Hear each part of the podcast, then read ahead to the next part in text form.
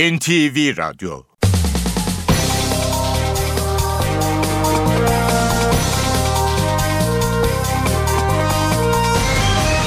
İşe Giderken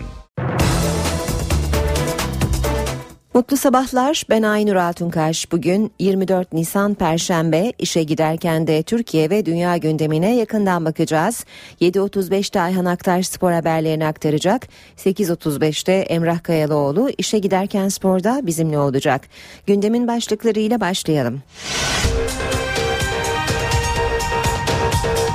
Başbakan Recep Tayyip Erdoğan dün 99. yıl dönümünden bir gün önce 1915 olaylarında hayatını kaybedenlerin ailelerine taziye dileğini iletti. Mesaj 9 dilde yayınlandı. Başbakanın 1915 olaylarına ilişkin mesajı uluslararası kamuoyunda da geniş yankı buldu. Amerika Birleşik Devletleri Dışişleri Bakanlığı açıklamayı tarihi olarak niteledi. Dış basında da eşi görülmemiş uzlaşı çağrısı yorumları yapıldı. Başbakan Erdoğan, Cumhurbaşkanlığı seçimi konusunun bugün Cumhurbaşkanı ile yapacağı görüşmede kısmen ele alınacağını söyledi. Gazetecilere de yine ters köşe olabilirsiniz. Bizim sağımız solumuz belli olmaz dedi. Türkiye Büyük Millet Meclisi Başkanı Cemil Çiçek, meclisteki resepsiyonda konuklarını ilk kez şeref salonunda ağırladı. Doğuş Çocuk Senfoni Orkestrası Devlet Opera ve Balesi'nin Çocuk Balesi ve TRT Çocuk Korosu 23 Nisan özel konserinde buluştu. İşe giderken gazetelerin gündemi.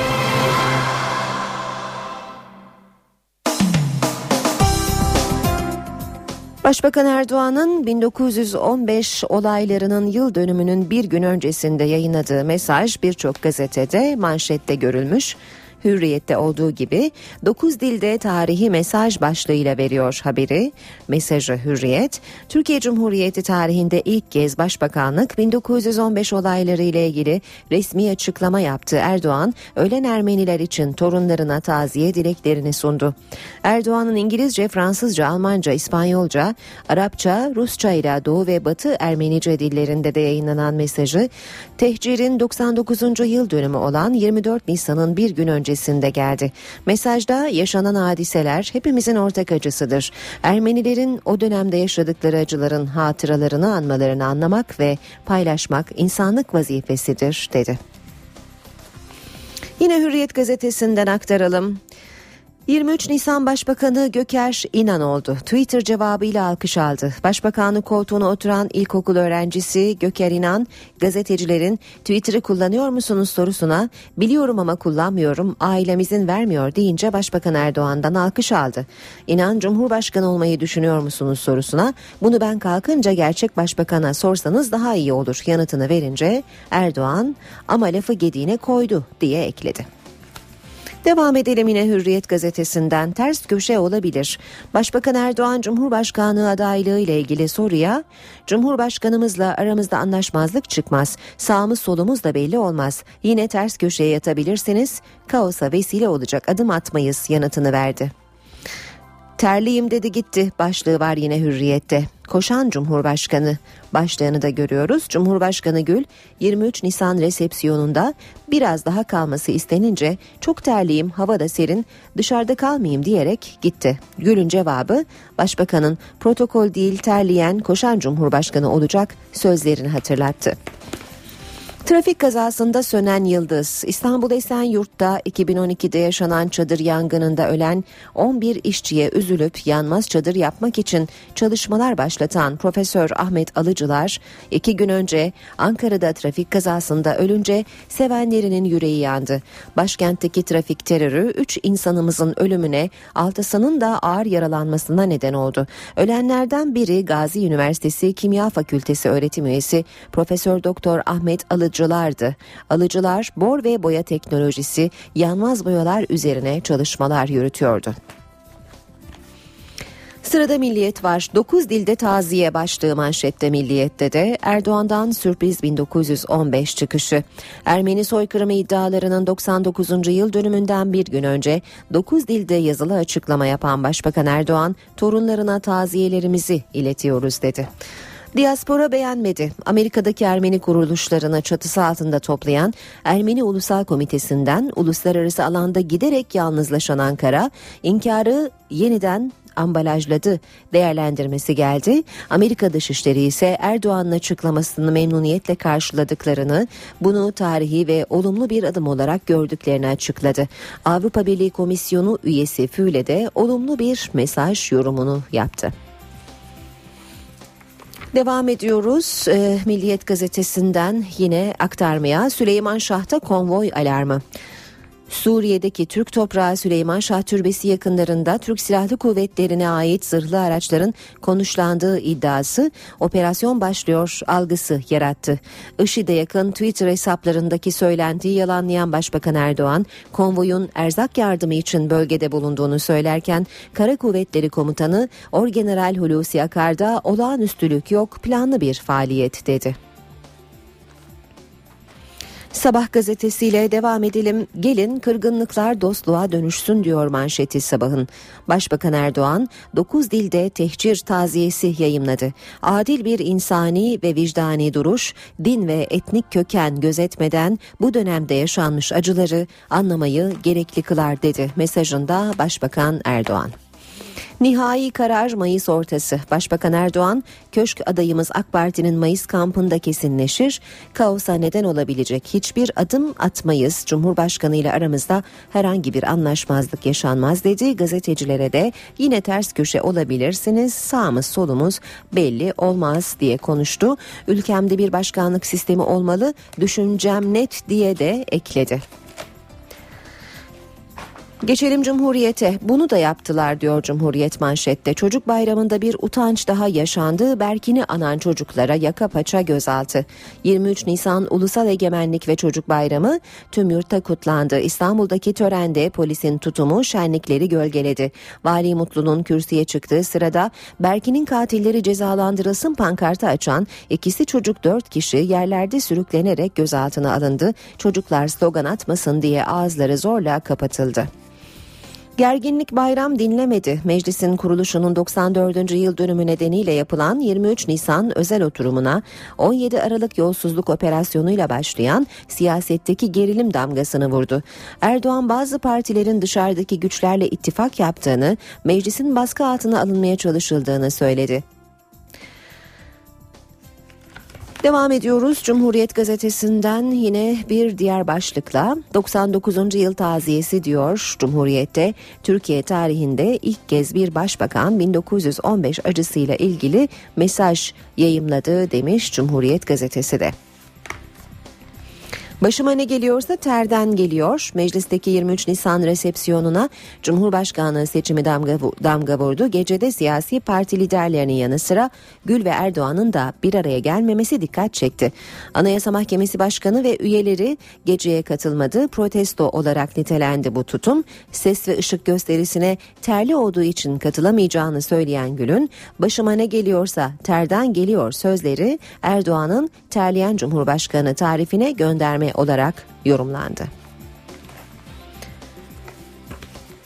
Sırada radikal var taziyelerimizi iletiyoruz demiş radikalde manşette. Başbakan Erdoğan 1915'te can veren Ermeniler için huzur içinde yatsınlar dedi. Mesajda mağdurların torunlarına taziyede dilendi. Star gazetesi de en cesur taziye manşetiyle çıkmış. Ermenilerin yaşadıklarını anlamak insanlık vazifesidir. O günkü şartlarda hayatını kaybeden Ermenilerin huzur içinde yatmalarını diliyor, torunlarına taziyelerimizi iletiyoruz dedi. Sırada Habertürk gazetesi var. Habertürk'te sür manşeti almış başbakanın taziye mesajını 1915'e ilk taziye başlığıyla. Devam edelim Habertürk'ten yine haberler aktarmaya. Manşeti Habertürk'ün Esat anne baba ve altı kardeşini öldürdü. Sanki benim kardeşim. Haliç'te intihara kalkışan adamı sudan çıkaran Suriyelinin aile dramı ağlattı. Beşar Esad ailesinden 8 can aldı. O Türkiye'de bir hayat kurtardı. Rabia Rahmun uçaktan atılan bombayla ailemi kaybettim dedi. Evimden geriye boş bir arazi kaldı. Ailemden tek fotoğraf yok. Adamı görünce kardeşimi kurtarıyormuşum gibi suya atladım dedi. Rabia Rahmun Galata Köprüsü'ndeki bir restoranda çalışıyor. Diyabetlilere müjde diyor Habertürk. Nakle az kaldı. İnsülinsiz yaşam 2015'te başlıyor. Şeker hastalarına insülinsiz yaşam olanağı sağlayan pankreas adacık nakli Türkiye'de seneye başlıyor. 5 yıllık testte başarı sağlandı. Kadavradan 12 saatte alınacak adacık yarım saatte hastaya nakledilecek. Yeni Şafak'a bakalım. Kimse kriz beklemesin diyor Yeni Şafak'ta manşet. Başbakan Erdoğan Cumhurbaşkanlığı seçimi için biz aramızda halledebiliriz. Kaosa neden olabilecek adım atmayız. Sağımız solumuz belli olmaz. Yine ters köşe olabilirsiniz dedi. Meclise birlikte gelen Gül ve Erdoğan kriz beklentisini boşa çıkarttı. Erdoğan'ın 1915 olaylarına ilişkin taziyesi de acımız ortak başlığıyla Yeni Şafak'ın sür manşetinde. Ve Zaman Gazetesi var sırada iddia ağır yalanlama yok diyor manşeti Zaman'ın sahte delil üretmek için TİB'de skandal uygulama. Tip çalışanı olduğunu belirten bir kişinin çok sayıda gazeteciye gönderdiği ihbar mektubu kamuoyunu dehşete düşürdü. Mektuba göre TİB'in dinleme listesine eklenen 2000 kritik isim dinlendi sonra da kayıtları silindi gibi gösterilecek. Olay paralel yapı dinledi şeklinde medyaya servis edilecekti. İddialarla ilgili hiçbir yalanlama gelmedi. Saat 7.18 işe giderken gündemin ayrıntılarıyla sürüyor. 24 Nisan 1915 olaylarının yıl dönümü için Türkiye'de bir ilk yaşandı. Bir gün önce yani dün Başbakan Erdoğan olaylarda hayatını kaybedenlerin ailelerine taziye dileğini iletti. Başbakan Recep Tayyip Erdoğan ilk kez 24 Nisan'dan bir gün önce yazılı açıklama yaptı. 24 Nisan'ı Ermeniler için özel anlam taşıyan bir gün olarak niteledi, taziye diledi. 20. yüzyılın başındaki koşullarda hayatlarını kaybeden Ermenilerin huzur içinde yatmalarını diliyor, torunlarına taziyelerimizi iletiyoruz. Osmanlı İmparatorluğu'nun son yıllarının Türk, Kürt, Arap, Ermeni ve diğer milyonlarca Osmanlı vatandaşı için acılarla dolu zor bir dönem olduğu yatsınamaz. Adil bir insani ve vicdani duruş, din ve etnik köken gözetmeden bu dönemde yaşanmış tüm acıları anlamayı gerekli kılar. Başbakan mesajında acılar hiyerarşisi kurulmamalı dedi. Ne bir acılar hiyerarşisi kurulması ne de acıların birbiriyle mukayese edilmesi ve yarıştırılması acının öznesi için bir anlam ifade eder. Atalarımızın dediği gibi ateş düştüğü yeri yakar. Ermenilerin de o dönemde yaşadıkları acıların hatıralarını anmalarını anlamak ve paylaşmak bir insanlık vazifesidir. Başbakan Erdoğan 1915 olaylarına ilişkin farklı görüş ve düşüncelerin serbestçe ifade edilmesi demokrasinin gereğidir mesajı verdi. 1915 olayları siyasi çatışma konusu haline gelmemeli ve iki halk arasında duygudaşlık kurulmasına engel olmamalıdır dedi. 9 dilde yayınlanan açıklamada tarih komisyonu kurulması çağrısı hatırlatıldı. Başbakan Erdoğan yazılı açıklamanın ardından meclisteki 23 Nisan resepsiyonunda soruları yanıtladı. Mesajlarının gerekçesini artık Ermenistan'la ilişkilerin normalleşmesi gerekiyor sözleriyle anlattı. Dışişleri Bakanı Ahmet Davutoğlu da umarım bu çağrı karşılığını bulur dedi. CHP ve MHP'dense tepki vardı. Mesaj yalnızca o dönemde hayatını kaybeden Ermenilerin torunları için değil, Osmanlıların da torunları için. Başbakan 1915 olaylarının yıl dönümü öncesinde 24 Nisan mesajı yayınlamasının gerekçelerini anlattı. Hepsine rahmet diliyoruz ve kendileriyle ilgili yaptıkları anma törenleri vesaire bunların makul olmasından daha normal ne olabilir? Bunu maalesef dünyada çeşitli istismar aracı olarak kullanmaları yanlış. Bizim atmamız gereken adımdan öte karşı tarafın atması gereken adım var. Biz hep adımları attık. Başbakan Erdoğan meclisteki resepsiyonda da Ermenistan'la ilişkilerin artık normalleşmesi gerektiğini belirtti. Ancak Dağlık Karabağ sorunu çözülmeden Ermenistan'la kapıların açılmasının mümkün olmadığını söyledi. Dışişleri Bakanı Ahmet Davutoğlu ise açıklamanın bir çağrı niteliği taşıdığına vurgu yaptı ve umarım karşılığını bulur dedi. Başbakanın 24 Nisan mesajına CHP ve MHP'den tepki geldi. MHP lideri Devlet Bahçeli'ye göre başbakanın mesajı tarihi gerçekleri yansıtmıyor. Başbakanın yalana dayalı 1915 olaylarına ilişkin köhne mesajı milli vicdanlar tarafından şaşkınlık ve öfkeyle karşılanmıştır. Açıktır ki Başbakanın mesajı Türk milletinin ve Türk tarihinin gerçeklerini yansıtmaktan uzak, kozmopolit ve köksüz ifadelerle doludur. CHP Genel Başkan Yardımcısı Faruk Loğlu ise taziye dilemekte bir sakınca yok dedi. Ancak Erdoğan'ın tarihi siyasi istismar konusu yaptığını savundu ve bu yaklaşıma karşı olduklarını söyledi. Ermenistan Cumhurbaşkanı Serj Sarkisyan 1915 olayları ile ilgili bugün yapacağı konuşmayı resmi internet sitesinde yayınladı. Sarkisyan'ın açıklamalarında Türkiye'nin Ermeni soykırımı iddialarını hala reddettiği ancak Türk halkını düşman olarak görmediği belirtildi. Yazılı açıklamada Başbakan Erdoğan'ın tarihi taziye mesajına ilişkin bir yorum yer almadı. Sarkisyan Türkiye'nin Ermeni soykırımını inkar eden bir politika güttüğünü ancak gelecekte bu ve benzeri suçların ancak Ermeni soykırımını tanıyarak ve olayı kınayarak engellenebileceğini belirterek Türkiye'nin elinde pişmanlığını dile getirmek için bir fırsat olduğunu söyledi. Türk halkını düşman olarak görmediklerini belirten Ermeni Cumhurbaşkanı açıklamasında o zor dönemde kendi hayatlarını riske atarak Ermeni komşularını barbarların elinden kurtaran Türk halkını unutmuş değiliz dedi. Diğer yandan Ermenistan'ın başkenti Erivan'da da 1915 olayları binlerce kişi tarafından anıldı. Özgürlük Meydanı'nda toplanan kalabalık ellerinde meşaleler ve Ermeni bayraklarıyla soykırım anıtına doğru yürüdü. 1915 olaylarının 99. yıl dönümünde 24 Nisan Ermeni soykırımını anma platformunun bu yılki organizasyonuna Uluslararası İnsan Hakları Derneği'nden de katılım var. Platform üyeleri bugün Haydarpaşa limanında toplanacak. Türkiye Ermenistan'la ilişkilerin normalleşmesi için 2009 yılında imza atmıştı. Ancak o protokoller bir türlü hayata geçemedi. Dışişleri Bakanı Ahmet Davutoğlu'nun son Erivan ziyareti de buzları eritmeye yetmedi. İşte 2007 yılından bu yana Erivan yönetimiyle yaşanan süreç. 1993 yılıydı. Ermenistan, Azerbaycan topraklarını işgal ettiğinde Türkiye Ermenistan'a sınırını kapatmış, diplomatik ilişkilerini kesmişti. İki ülke 14 yıllık küslüğü geride bırakıp 2007 yılında ilişkileri yeniden normalleştirmeyi konuşmaya başladı. Karşılıklı Cumhurbaşkanlığı ziyaretleriyle yeni bir dönem başlamıştı. 6 Ekim 2008'de Abdullah Gül Erivan'a gitti. 14 Ekim 2009'da Serj Serkisyan Ermenistan-Türkiye milli maçını izlemek için Bursa'ya geldi.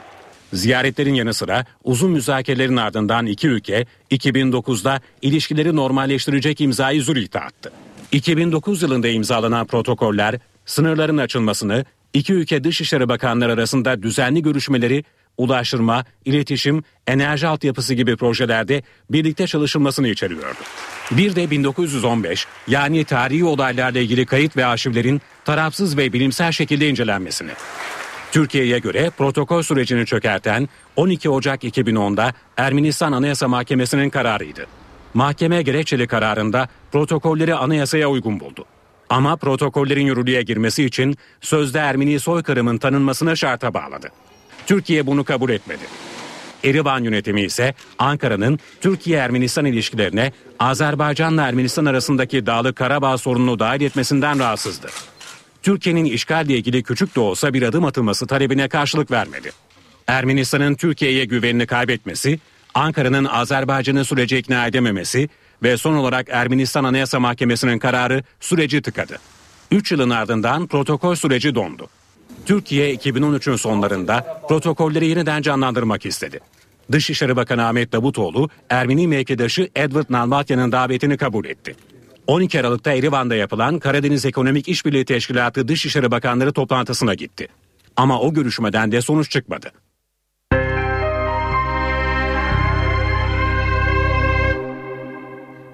Başbakan Tayyip Erdoğan Cumhurbaşkanlığı seçimi konusunun bugün Cumhurbaşkanı Abdullah Gül'le yapılacak olan görüşmede kısmen ele alınacağını söyledi. Dün seçim süreciyle ilgili gazetecilere açıklama yapan Başbakan yine ters köşe olabilirsiniz bizim sağımız solumuz belli olmaz dedi. CHP ve MHP liderleri ise köşk seçimini mecliste düzenlenen 23 Nisan resepsiyonunda değerlendirdi. Yine ters köşe olabilirsiniz bak onu söyleyeyim. Bizim sağımız solumuz pek belli olmaz. Başbakan Recep Tayyip Erdoğan bu sürpriz çıkışı Cumhurbaşkanlığı adaylığı konusunda yaptı. Cumhurbaşkanı ile aramızda sorun olmaz dedi. Bizim Cumhurbaşkanımızla aramızda herhangi bir anlaşmazlık olmaz. Yani bundan önce de biliyorsunuz medya yine bir şeyler söylüyordu. Cumhurbaşkanımız o zaman Dışişleri Bakanı, Başbakanlık hep benimle ilgili yazılıyordu. Sonra ters köşe oldunuz. Başbakan Erdoğan adaylık konusunda karar için AK Parti'nin 9-11 Mayıs tarihleri arasında Afyon'da yapılacak istişare toplantısını işaret etti. Cumhurbaşkanı Abdullah Gül'le Perşembe günü saat 18.30'da yapılacak haftalık olan görüşmede ise konunun kısmen ele alınacağını söyledi. Gül'le nihai görüşmeyi Mayıs ayı sonunda yapacağız dedi. Erdoğan'a başkanlık sistemi de soruldu. Başbakan geçmişten bu yana ülkemde başkanlık sistemi olmasından yanayım dedi. Cumhurbaşkanlığı seçimi mecliste düzenlenen 23 Nisan resepsiyonunun da ana gündem maddesiydi. Başbakan Erdoğan'a ters köşe açıklaması soruldu. Başbakan bu işler sabır gerektirir bir anda söylenirse olmaz dedi. Aday olacak mısınız sorusunuysa yine yanıtsız bıraktı. MHP lideri Devlet Bahçeli de bizim böyle bir üslubumuz yok. Ters köşe, düz köşe üslubumuz yok dedi. MHP lideri köşk adaylarını diğer partilerin adaylarını gördükten sonra açıklayacaklarını söyledi. CHP lideri Kemal Kılıçdaroğlu'na ise Cumhurbaşkanı Abdullah Gül'ün Kütahya'da yaptığı gelecekle ilgili siyasi planım yok açıklaması soruldu. Kılıçdaroğlu yoruma gerek yok sözleri çok açık demekle yetindi.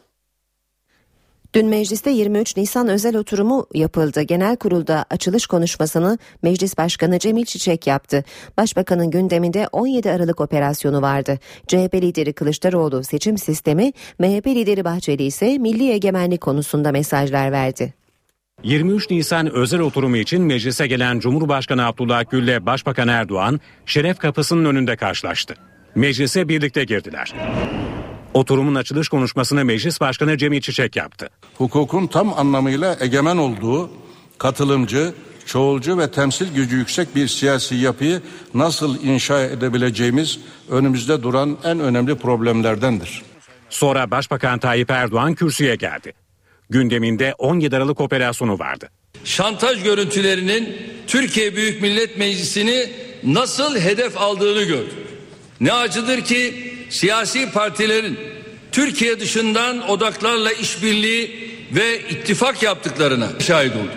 CHP Genel Başkanı Kemal Kılıçdaroğlu ise seçim sistemi tartışmasına değindi. Seçim barajını düşünmeyi son derece adaletsiz temsil sonuçları yaratacak yeni bir seçim sistemini kabul etme şartına bağlamak millet egemenliğine açıkça saygısızlıktır. Değerli milletvekilleri, sözlerime son verirken 23 Nisan Ulusal Egemenlik ve Çocuk Bayramı'nı Berkin Elvan'ın güzel anısına adıyorum. Devlet Bahçeli'nin konuşmasında ise milli egemenlik vurgusu hakimdi. Demokrasi dışında, milli egemenlik haricinde başka yol ve mecra arayanları meclisin anlam ve mesajları üzerine kararlıca tefekkür etmeye davet ediyorum. BDP Grup Başkan Vekili Pervin Buldan da yeni anayasa çağrısı yaptı.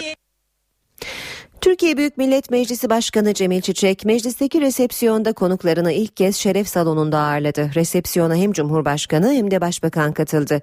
Gecenin en renkli sohbeti ise Başbakan, Dışişleri Bakanı ve Kara Kuvvetleri Komutanı arasında geçti. Konu futboldu. Kuruluşunun 94. yılında meclis ışık ve havai fişek gösterisiyle aydınlandı. 23 Nisan törenleri meclise verilen resepsiyonla son buldu. Bu yıl Meclis Başkanı Cemil Çiçek konuklarını ilk kez şeref salonunda ağırladı.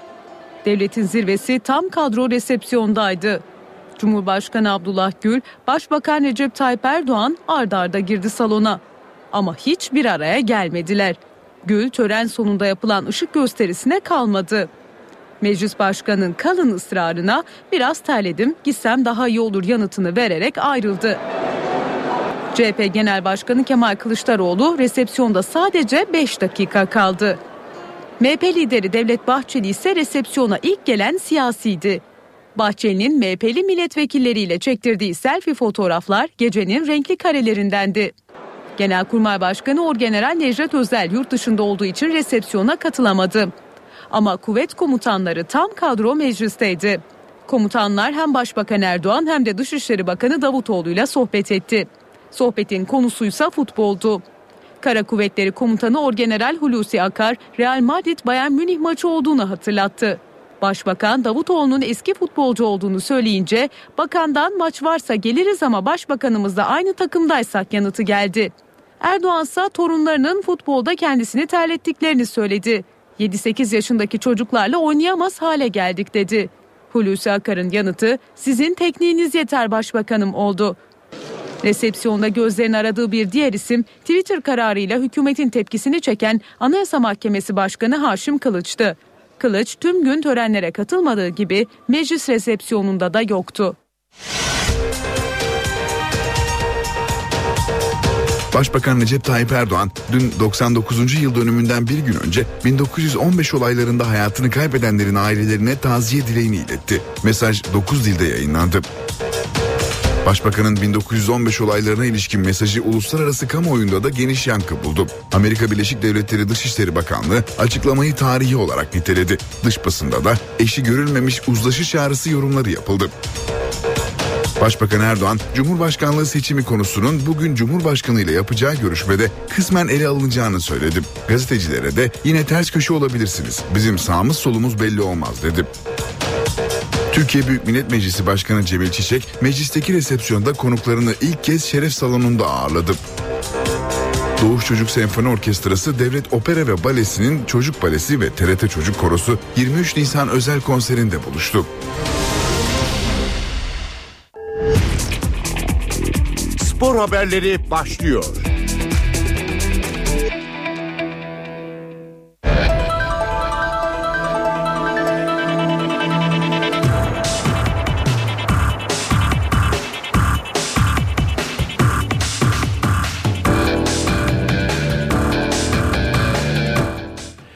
Günaydın ben Ayhan Aktaş spor gündeminden gelişmelerle birlikteyiz. Fenerbahçe bu hafta sonu şampiyonluğunu ilan ederse dünya futbol tarihine geçecek. Sadece Türkiye'de uygulanan sistem nedeniyle Sarı Lacivertliler kadın ve çocuklar önünde şampiyonluk kupası kaldıran ilk takım olabilir.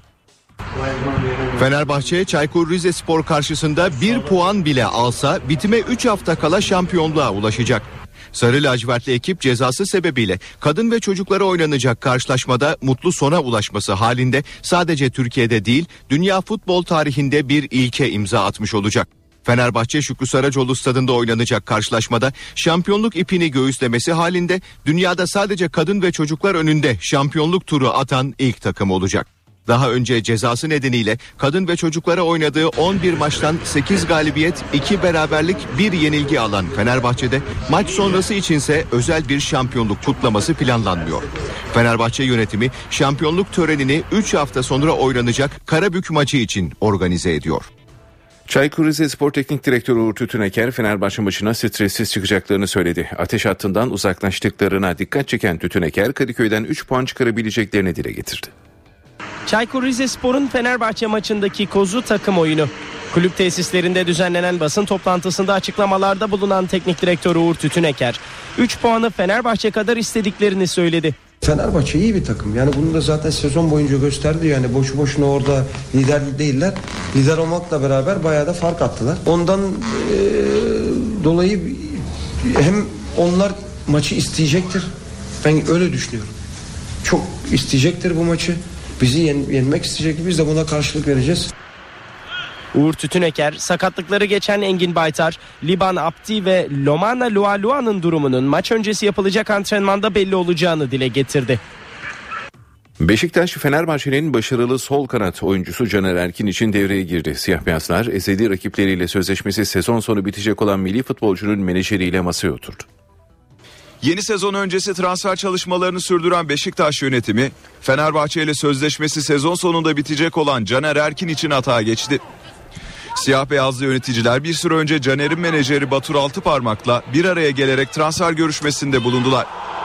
Yapılan ilk toplantıda net bir sonuç çıkmadı. Taraflar yeniden masaya oturacak.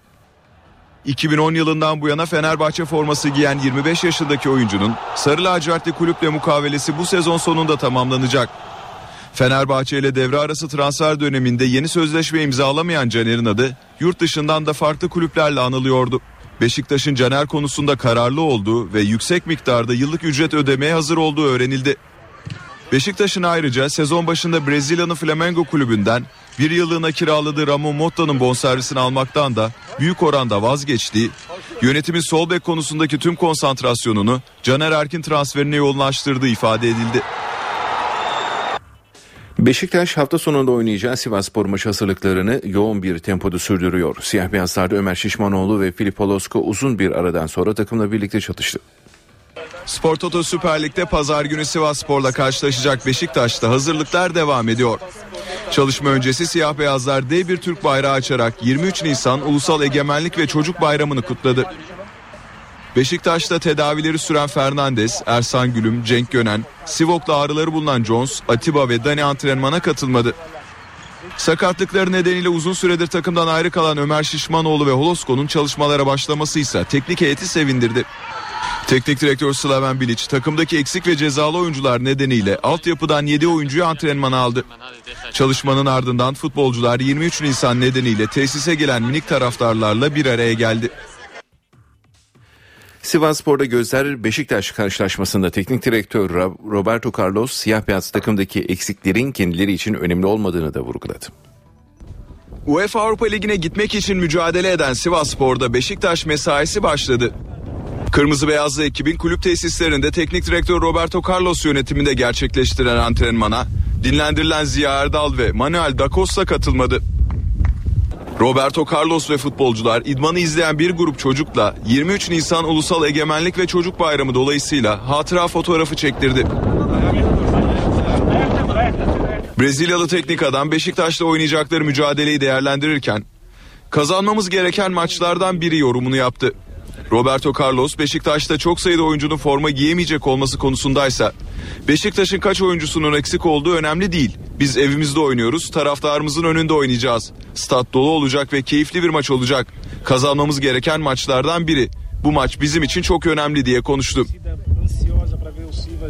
Tüm çocukların 23 Nisan Ulusal Egemenlik ve Çocuk Bayramı'nı kutlayan Carlos, Çocuklar bizim geleceğimiz. Bugün çocuklar için özel bir gün. Birçok çocuğum var. Ben de onların çocuk bayramını kutluyorum dedi. Bültenimizin sonunda Avrupa Kupalarından skor ve programı da aktaralım. Dün gece iki önemli mücadele oynandı. Real Madrid Şampiyonlar Ligi'nde finale çıkmak için ilk adım attı. İspanyol ekibi yarı final ilk maçında son şampiyon Bayern Münih'i Bernabeu'da Benzema'nın tek golüyle mağlup etti ve rövanş öncesi avantaj elde etti. Gecenin diğer maçında ise Atletico Madrid'de Chelsea yenişemedi. Pozisyon açısından kısır geçen karşılaşmada taraflar gol atmayı başaramadı. Eşleşmede finalisti 30 Nisan'da Stamford Bridge'de oynanacak rövanşı belirleyecek. Bugünse Şampiyonlar Ligi'nin ardından gözler UEFA Avrupa Ligi heyecanına çevrilecek. Yarı final ilk karşılaşmalarında Benfica, Juventus ve Sevilla, Valencia maçları sahne olacak. Gece bu maçlar seyredilecek. Bu bilgilerle bültenimizi tamamlıyoruz. İyi günler diliyoruz. NTV Radyo Günaydın herkese yeniden işe giderken de yeni saati karşılıyoruz. Ben Aynur Altunkaş. Gündemin başlıklarını hatırlayalım önce ardından hem hava durumuna hem de İstanbul'un trafiğine bakacağız. Başbakan Recep Tayyip Erdoğan dün 99. yıl dönümünden bir gün önce 1915 olaylarında hayatını kaybedenlerin ailelerine taziye dileğini iletti. Mesaj 9 dilde yayınlandı. Başbakanın 1915 olaylarına ilişkin mesajı uluslararası kamuoyunda da geniş yankı buldu. Amerika Birleşik Devletleri Dışişleri Bakanlığı açıklamayı tarihi olarak niteledi. Dış basında da eşi görülmemiş uzlaşı çağrısı yorumları yapıldı. Başbakan Erdoğan, Cumhurbaşkanlığı seçimi konusunun bugün Cumhurbaşkanı ile yapacağı görüşmede kısmen ele alınacağını söyledi. Gazetecilere de yine ters köşe olabilirsiniz. Bizim sağımız solumuz belli olmaz dedi. Türkiye Büyük Millet Meclisi Başkanı Cemil Çiçek, meclisteki resepsiyonda konuklarını ilk kez şeref salonunda ağırladı. Doğuş Çocuk Senfoni Orkestrası Devlet Opera ve Balesi'nin Çocuk Balesi ve TRT Çocuk Korosu 23 Nisan özel konserinde buluştu.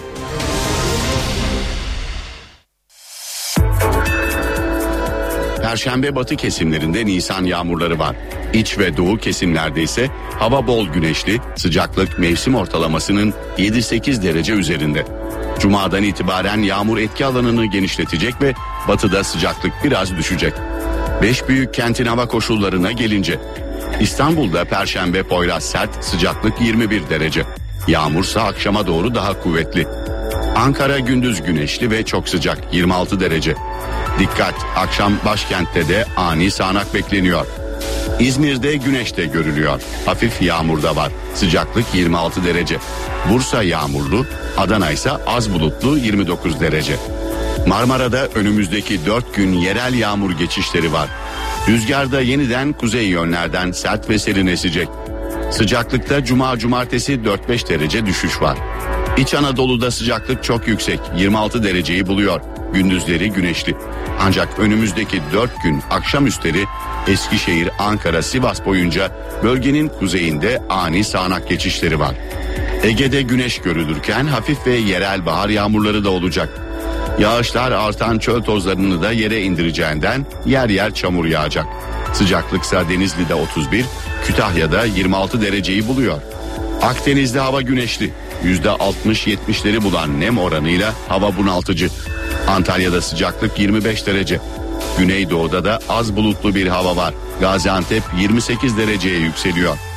Doğu Anadolu güneşli ve normallere göre çok sıcak. Erzurum 18, Malatya 25 derece.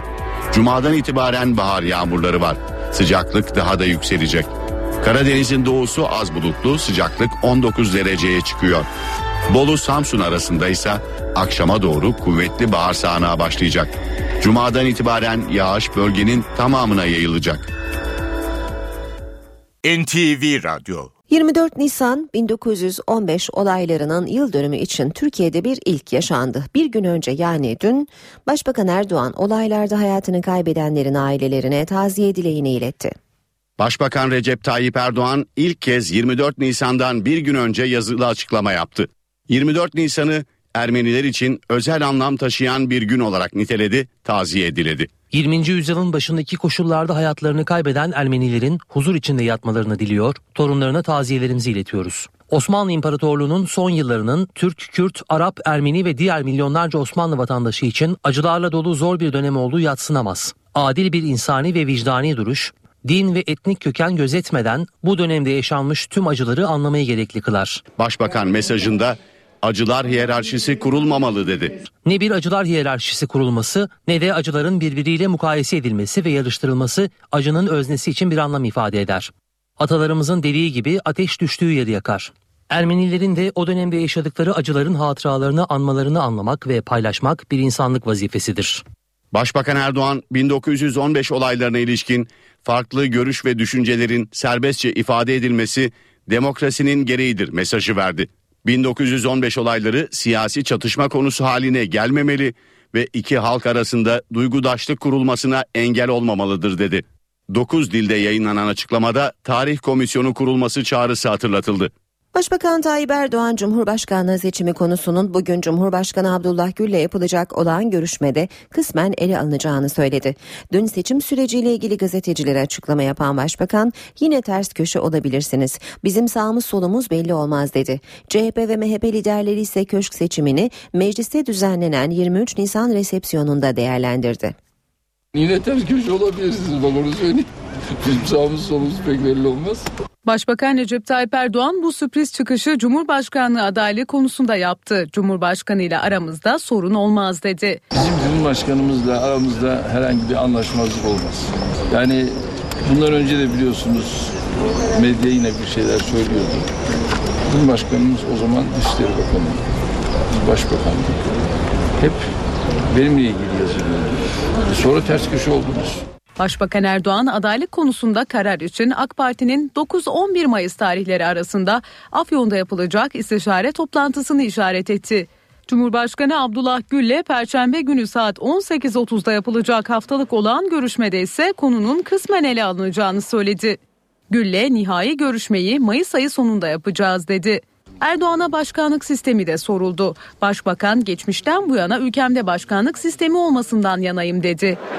Cumhurbaşkanlığı seçimi mecliste düzenlenen 23 Nisan resepsiyonunun da ana gündem maddesiydi. Başbakan Erdoğan'a ters köşe açıklaması soruldu. Başbakan bu işler sabır gerektirir bir anda söylenirse olmaz dedi. Aday olacak mısınız sorusunuysa yine yanıtsız bıraktı. MHP lideri Devlet Bahçeli de bizim böyle bir üslubumuz yok. Ters köşe, düz köşe üslubumuz yok dedi. MHP lideri köşk adaylarını diğer partilerin adaylarını gördükten sonra açıklayacaklarını söyledi. CHP lideri Kemal Kılıçdaroğlu'na ise Cumhurbaşkanı Abdullah Gül'ün Kütahya'da yaptığı gelecekle ilgili siyasi planım yok açıklaması soruldu. Kılıçdaroğlu yoruma gerek yok sözleri çok açık demekle yetindi. Türkiye Büyük Millet Meclisi Başkanı Cemil Çiçek meclisteki resepsiyonda konuklarını ilk kez şeref salonunda ağırladı. Resepsiyona hem Cumhurbaşkanı hem de Başbakan katıldı. Gecenin en renkli sohbeti ise Başbakan, Dışişleri Bakanı ve Kara Kuvvetleri Komutanı arasında geçti. Konu futboldu. Kuruluşunun 94. yılında meclis ışık ve havai fişek gösterisiyle aydınlandı. 23 Nisan törenleri meclise verilen resepsiyonla son buldu. Bu yıl Meclis Başkanı Cemil Çiçek konuklarını ilk kez şeref salonunda ağırladı. Devletin zirvesi tam kadro resepsiyondaydı. Cumhurbaşkanı Abdullah Gül, Başbakan Recep Tayyip Erdoğan ard arda girdi salona. Ama hiç bir araya gelmediler. Gül tören sonunda yapılan ışık gösterisine kalmadı. Meclis Başkanı'nın kalın ısrarına biraz terledim gitsem daha iyi olur yanıtını vererek ayrıldı.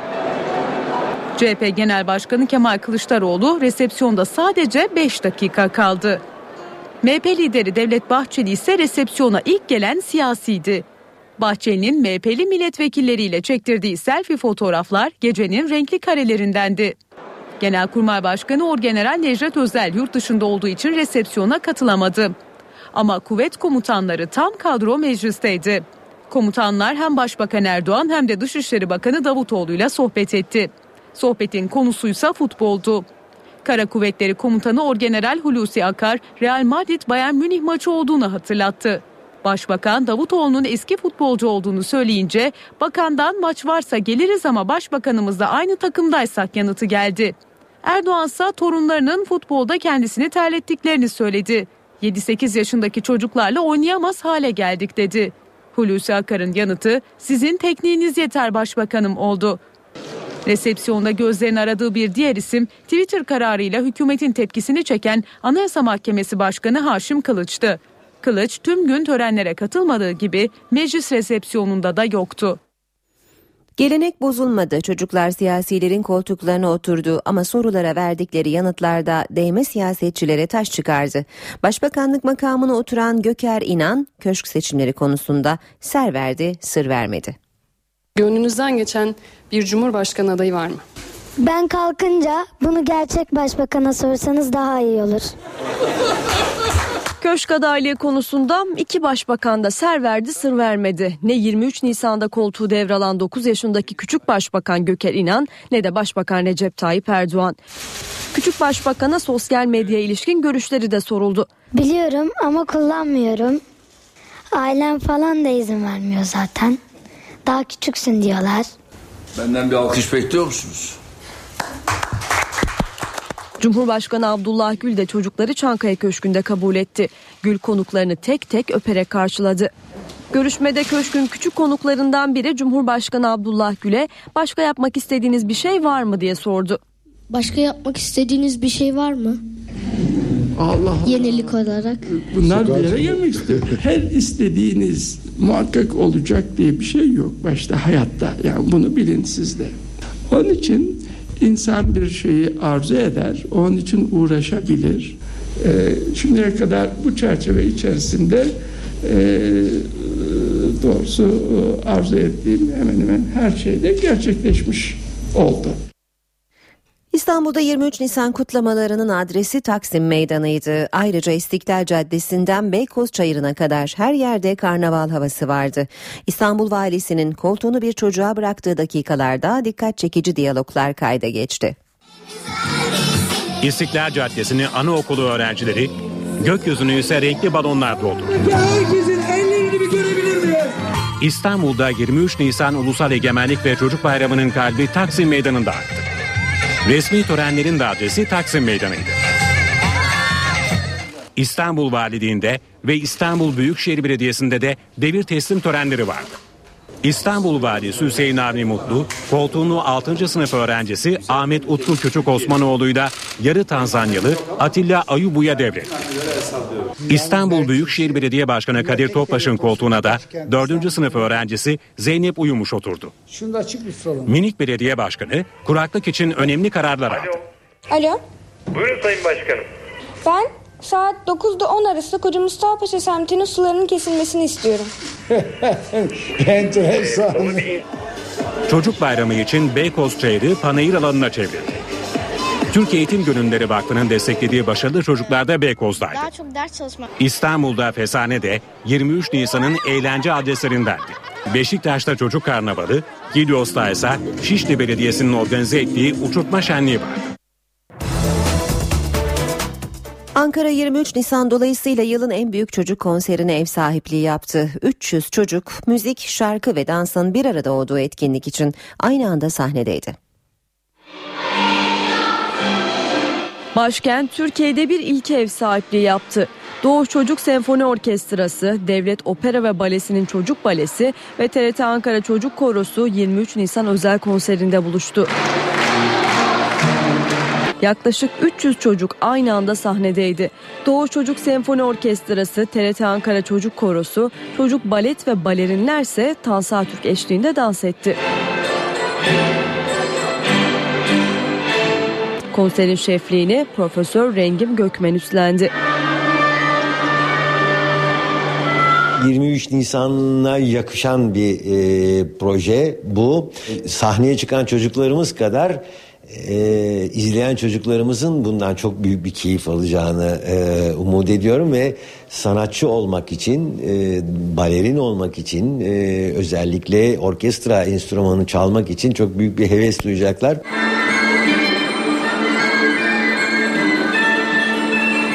Yaklaşık 10 bin kişinin izlediği konserin izleyicileri arasında ünlü konuklar da vardı. Çocukların heyecanı da ortaktı. Heyecanlıyım ama yani çok güzel bir his.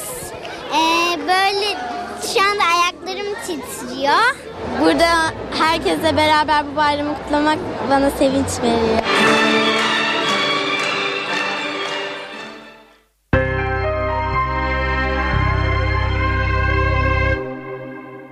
Suriye'deki tek Türk toprağı olan Süleyman Şah Türbesi'ne askeri operasyon hazırlığı iddiasına hem Başbakan'dan hem de Dışişleri Bakanı Ahmet Davutoğlu'ndan yalanlama geldi. Kara Kuvvetleri Komutanı da faaliyetimiz planlı olağanüstü bir durum yok dedi. Suriye sınırları içindeki tek Türk toprağı olan Süleyman Şah Türbesi'ne operasyon amaçlı çok sayıda asker ve zırhlı araç sevk edildiği iddiası Ankara'yı hareketlendirdi. İlk açıklama Başbakan Recep Tayyip Erdoğan'dan geldi. Şu anda dert IŞİD'le değil. Oradaki konvoyumuzun bütün şeyi tamamıyla Süleyman Şah Saygı Türbesi'ne götürülecek yardımlarla alakalıdır. Ve şu anda ilgili sorumlu arkadaşlar bunu sürdürmektedir. Olay budur. İddialar meclisteki 23 Nisan resepsiyonunda da Dışişleri Bakanı Ahmet Davutoğlu'na soruldu. Davutoğlu, Süleyman Şah Türbesi'ne operasyon haberi yalan. Oradaki askerlerimizin güvenliği için ne tedbir alınması gerekiyorsa yapılır dedi. Belli dönemlerde rutin değişimler yapıldığını söyleyen Davutoğlu, oradaki askerler alınır, başka askerler götürülür. Durumun, ihtiyacın mahiyetine göre de orası takip edilir, olan budur ifadesini kullandı. Kara Kuvvetleri Komutanı Orgeneral Hulusi Akar da Suriye sınırında bize verilen görevi en iyi şekilde yapmaya devam ediyoruz. Faaliyetimiz planlı, olağanüstü bir durum yok dedi. Filistin'de El Fetih ile Hamas arasında tarihi bir uzlaşmaya varıldı. Taraflar yaklaşık 7 yıldır devam eden bölünmüşlüğe son verecek bir adım attı. Gelecek ay birlik hükümetini kurmayı kararlaştırdı. İsrail ise uzlaşmaya tepkili. شعبنا الفلسطيني في الوطن والشتات Verecek güzel bir haberimiz var. Halkımıza bölünmüşlüğün son bulduğunu müjdeliyoruz.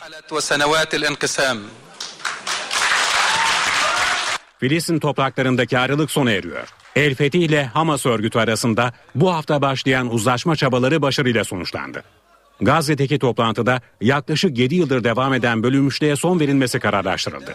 Varılan anlaşma uyarınca Filistin'de en geç 5 hafta içinde ulusal birlik hükümeti kurulacak ve 6 ay içinde seçimler düzenlenecek. Yapılan ortak basın toplantısında Hamas ve İslami Cihat örgütlerinin Filistin Kurtuluş Örgütü şemsiyesi altına gireceği duyuruldu. Müzakere ettiğimiz tüm konularda uzlaştık. Geçmişte olup biteni unutacağız. İsrail ise anlaşmaya tepkili. İsrail Başbakanı Benjamin Netanyahu daha önce Filistin lideri Mahmud Abbas'a ya bizi ya Hamas'ı seçin uyarısında bulunmuştu. Filistin, Hamas'ın Gazze'nin kontrolünü El Fetih'ten aldığı 2007'den bu yana bölünmüş durumdaydı. Gazze Hamas'ın, Batı Şeria ise El Fetih'in kontrolünde bulunuyordu. Saat 8.25 NTV Radyo'da işe giderken başkent gündemiyle devam edecek. Karşımızda Murat Barış Koralp var. Günaydın Murat. Günaydın Aynur. 23 ee, Nisan kutlamaları ve resepsiyonunda verilen mesajlarla güne başladık. Bugün için neler aktaracaksın?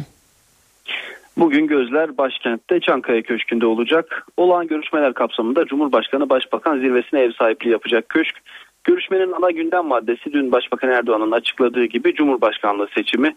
Bu görüşme aynı zamanda Cumhurbaşkanı'nın geleceğe dair siyaset planım yok açıklamasının ardından Gül ve Erdoğan'ın bir araya geldiği ilk görüşme olacak. Hem bu sözlerin hem de Başbakan'ın dünkü ters köşe yapabiliriz sözlerinin ardından köşkte neler konuşulacağı merakla bekleniyor. Bu görüşme saat 18.30'da. Bu görüşmenin öncesinde ise Cumhurbaşkanı Adana'da olacak ticaret borsasının 100. yıl ödül törenine katılacak. Başbakan Erdoğan ise büyük kongre delegeleriyle istişare toplantısı yapacak. Burada da yine öncelikli gündem Cumhurbaşkanlığı seçimi olacak. Geçtiğimiz hafta Başbakan Erdoğan hem milletvekilleriyle hem de il başkanlarıyla bir araya gelmiş.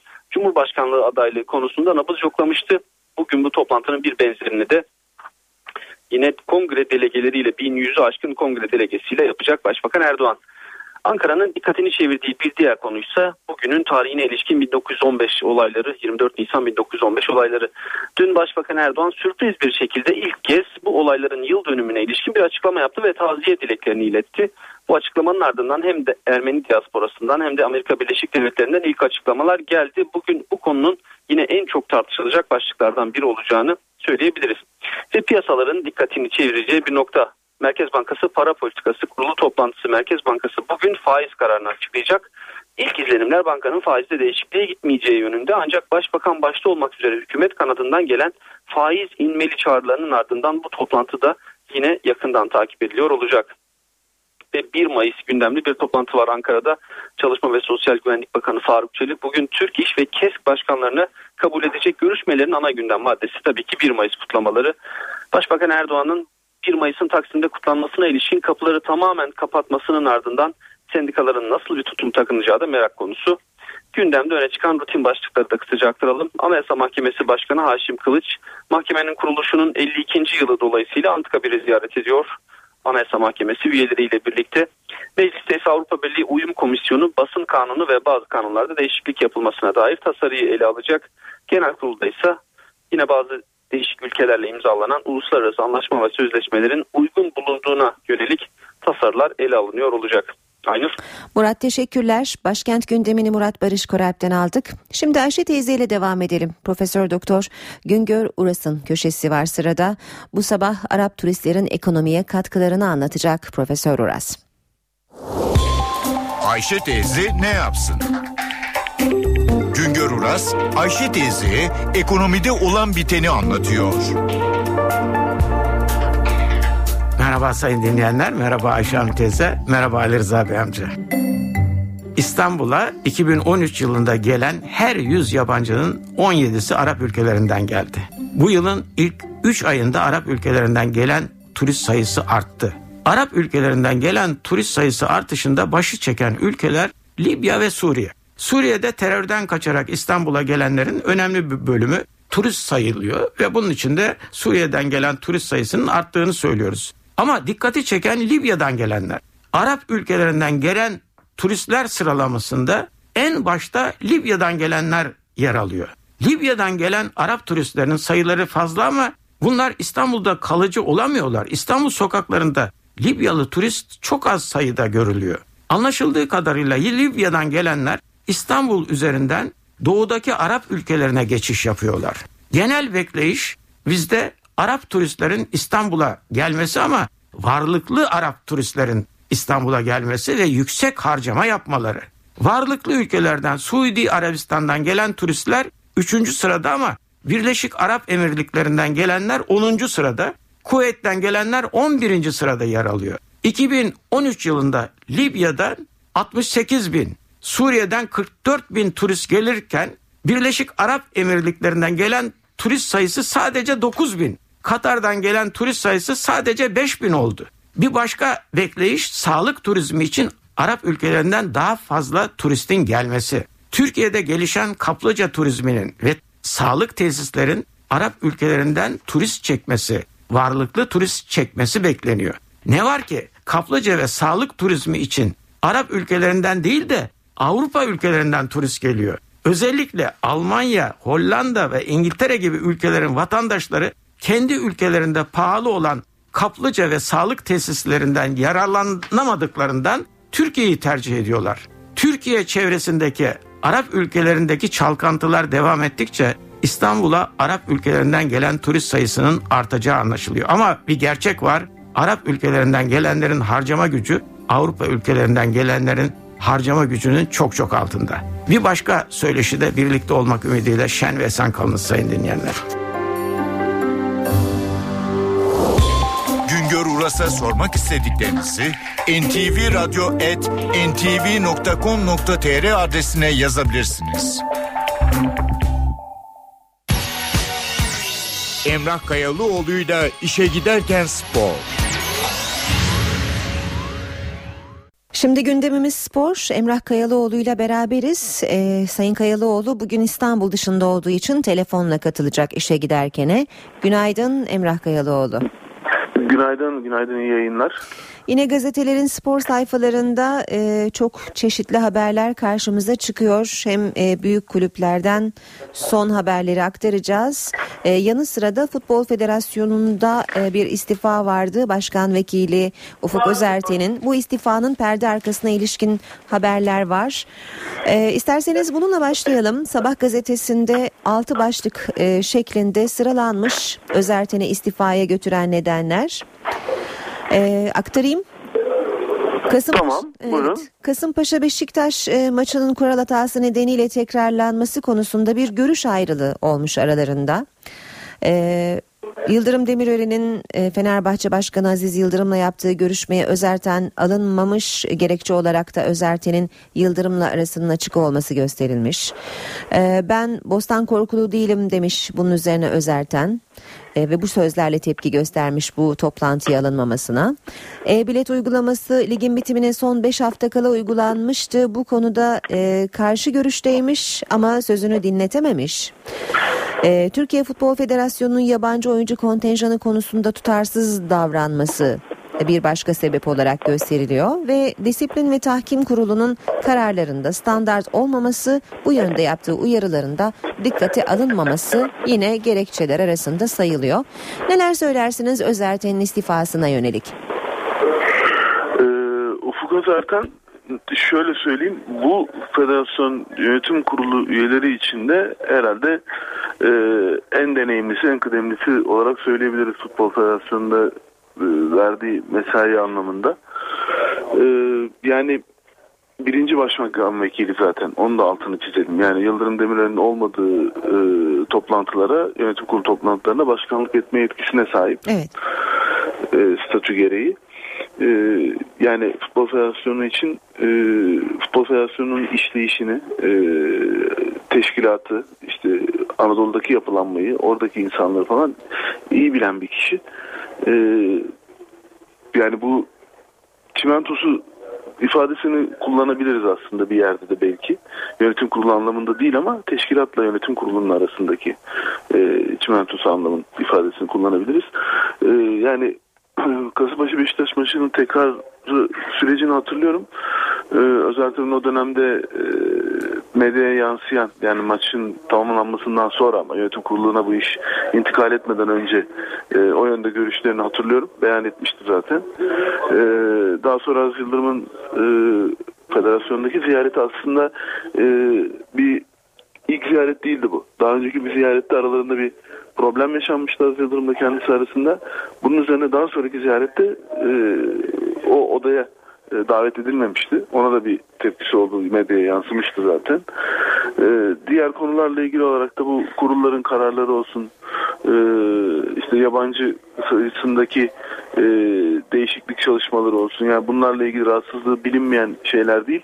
E, bir yerde aslında şey diyebiliriz. Yani bunlardan şu sebeple istifa etti değil. Burada bir bardak taşmasından bahsediyoruz. Bardağın dolup taşmasından. E, yani tek bir gerekçeyi öne sürmek zor. E, ama bir yere kadar e, anlaşılan Sayın Özerten devam etmek niyetinde e, yani o şeyi göstermiş ama bir yerden sonra artık bardak taştı diyerek istifa noktasına gelmiş.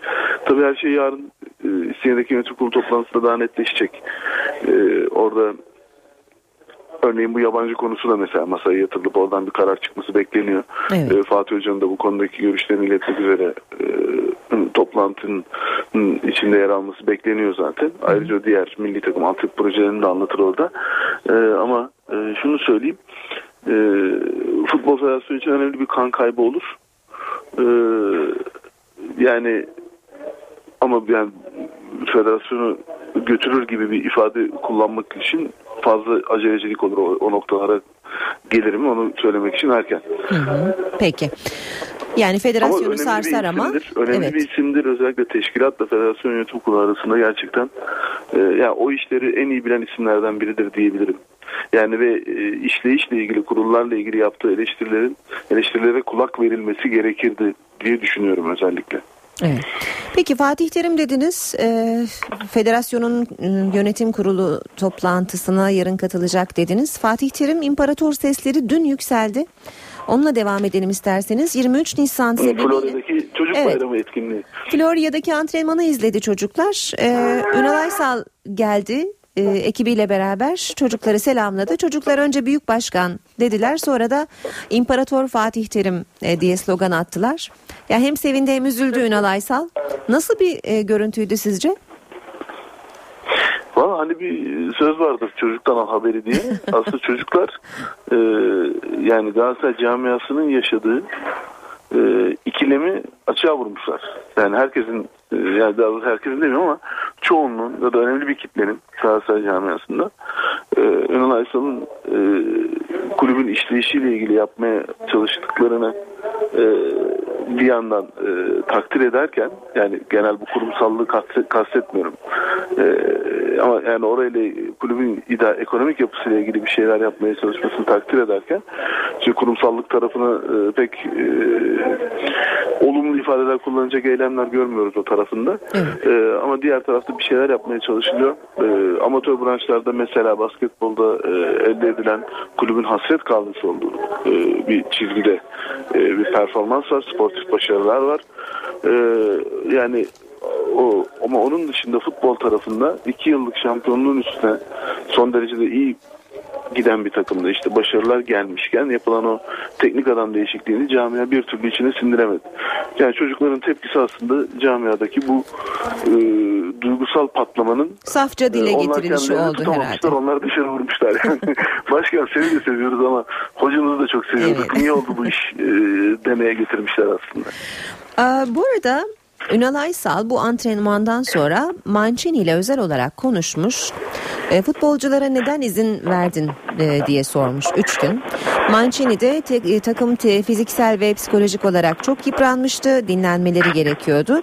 Hem kupa hem de ikincilik gelecek merak etmeyin diye de söz verdiği söyleniyor bu görüşmede Ünal Aysal'a Mancini'nin. E, bu arada niye bu kadar çok e, takımla oynuyorsun sorusunu da yönelttiği e, belirtiliyor Aysal'ın Mancini'ye. Mancini de ben geleceğin takımını e, oluşturmaya çalışıyorum E, ve bunun için de görmem lazım kim nerede ne kadar faydalı demiş. Bunu size not olarak aktarayım. E, Ee, onunla ilgili şu kadarını söyleyeyim o zaman. Geleceğin takımını oluşturuyorum ifadesini kullanıyorsa e, Mancini ona sorulması gereken soru geleceğin takımını oluşturmak üzere devre arasında alınan 9 futbolcuyu kaç dakika kullandığıdır.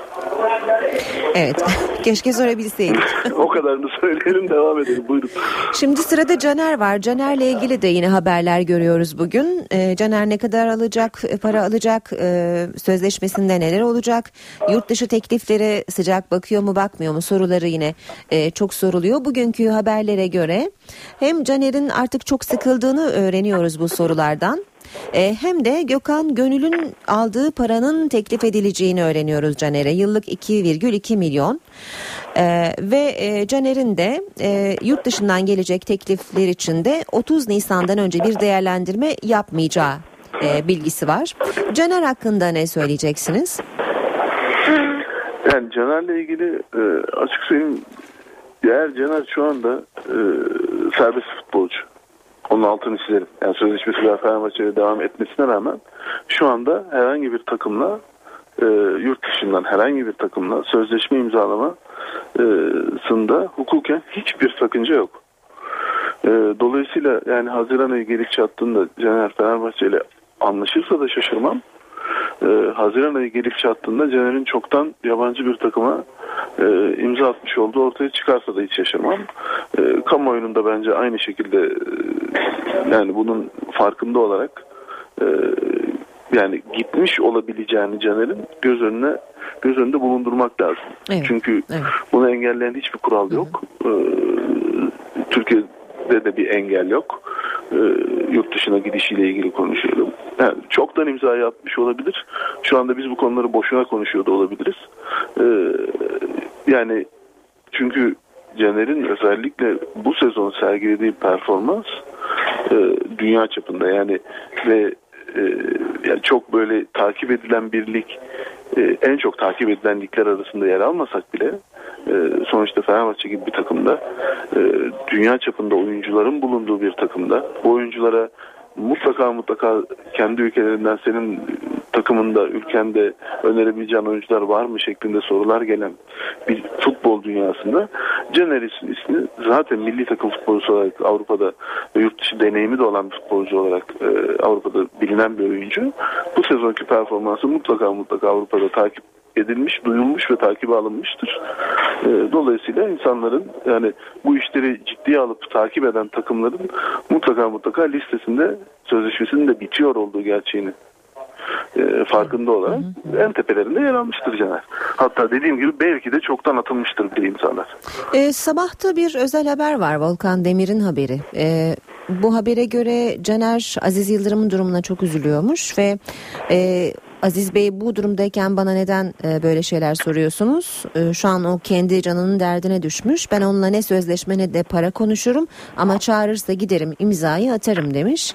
Aziz Yıldırım'ın da şampiyonluk garantilendikten sonra hem Ersun Yanal'la hem de Caner'le masaya oturacağı yine bu özel haberde yer almış Emrah Kayalıoğlu. Yani e, evet Aziz Bey'in durumu gerçekten çok zor bir durum. No, bir kere belirsizlik en kötü şeydir. E, yani bir gün sonra e, çıkan kararın infazıyla ilgili bir e, gelişmeyle kapısına e, yetkililerin gelme ihtimali olan bir e, şeyden bahsediyoruz, ortamdan bahsediyoruz. Böyle bir ortamda bile e, işte medyaya yansıyan haberler de var. Onu da vakitimiz kalırsa konuşuruz. Fenerbahçe'nin bu aidat meselesiyle ilgili. Yani Fenerbahçe kulübünde bir yandan başkanın böyle bir durumu var. Bir yandan e, işler planlandığı gibi olabildiğince devam ettirilmeye çalışılıyor. E, işte bunu hem kulübün işleyişi, tüzüğü vesairesi dahil hem takımın e, sadece futbol takımı da değil bütün branşların işleyişlerini koyduğunuzda e, bir de öbür tarafta işte bu e, 3 Temmuz süreci ve sonunda işte gelinen infaz e, sürecinin e, beklenmesi e, eklenince gerçekten işlerin e, çok zor olduğunu vurgulamak lazım. Futbolcular da bu noktada olabildiğince tabii ki destek vermeye çalışıyorlardır başkana ama e, Caner noktası Caner bunu e, söylüyor olma ihtimali de var elbette. E, ama şu gerçeği de unutmayalım. Futbolcunun e, bir hakkı da var. Yani Caner'in şu anda herhangi bir takımla anlaşmaya hakkı da var. Böyle bir şey olduğunda kimsenin tepki göstermemesi gerekir. O anlamda ben e, söylemek istedim deminki cümleleri. E, yani o, o tip gelişmelere de hazırlıklı olmak lazım. Peki şimdi süremiz bitti. Ee, on buçukta bir kez daha buluşacağız. Konuşamadığımız konuları başlıklar halinde aktarayım. Ee, Bilic'in e, futbolcuların çok kızgın olduğu şeklinde e, konuştuğu bilgisi var. Özel bir haber yine bu. Sabah gazetesinden bunu konuşacağız. Gökhan Tören'in vurulmasından sonra söylediği. E, yanı sıra az önce biraz bahsettik. Fenerbahçe'de e, yeni yapılanma 1 milyon üye projesi kapsamında taraf üye olmak isteyenlere yönelik bir kolaylık getirileceği söyleniyor. E, bunu da konuşalım. E, ama ne zaman konuşalım? 10.30'da isterseniz konuşalım. Yine Tamam. Şehir dışında olduğunuz Haber için özetlerinin ardından görüşmek üzere. Evet yine telefonla katılacaksınız yayına. 10.30 haber özetlerinden sonra görüşmek üzere. Hoşçakalın. Emrah Kayalıoğlu ile beraberdik. E, işe giderken de böylece sona erdi. Yeniden buluşmak üzere. Hoşçakalın. NTV Radyo